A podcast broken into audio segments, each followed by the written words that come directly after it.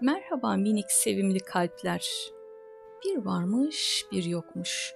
Evvel zaman içinde, kalbur saman içinde, bir zamanlar sevimli küçücük bir köyde yoksul bir köylü yaşarmış. Bu köylünün bir tavuğu varmış. Köylü bu tavuğu çok severmiş. Tavuk da ona her gün bir yumurta yaparmış. Ama bu yumurtaların ilginç bir özelliği varmış. Yumurtalar altındanmış.''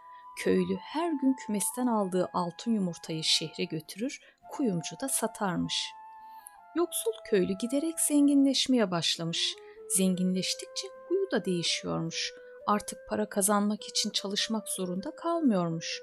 Çalışmadan, yorulmadan para geldiği için de paranın değerini bilmiyormuş. Gereksiz yere para harcamaya, ihtiyacı olmayan şeyler almaya başlamış. Lüks içinde yaşamaya alıştığından bir süre sonra para yetersiz gelmeye başlamış. Artık daha fazla parası olsun istiyormuş.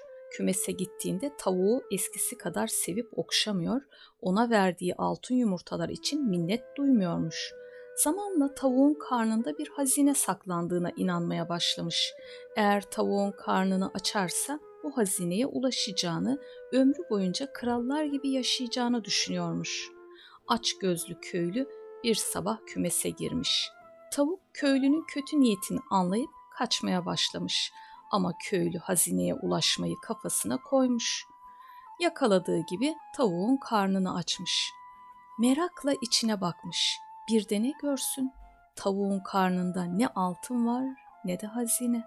Aç gözlülük yaptığı ancak o zaman aklına gelmiş. Ama artık iş işten geçmiş.'' Aç gözlülük yapmak hiç de iyi bir huy değilmiş. Tekrar görüşmek üzere. İyi uykular sevimli minik kalpler.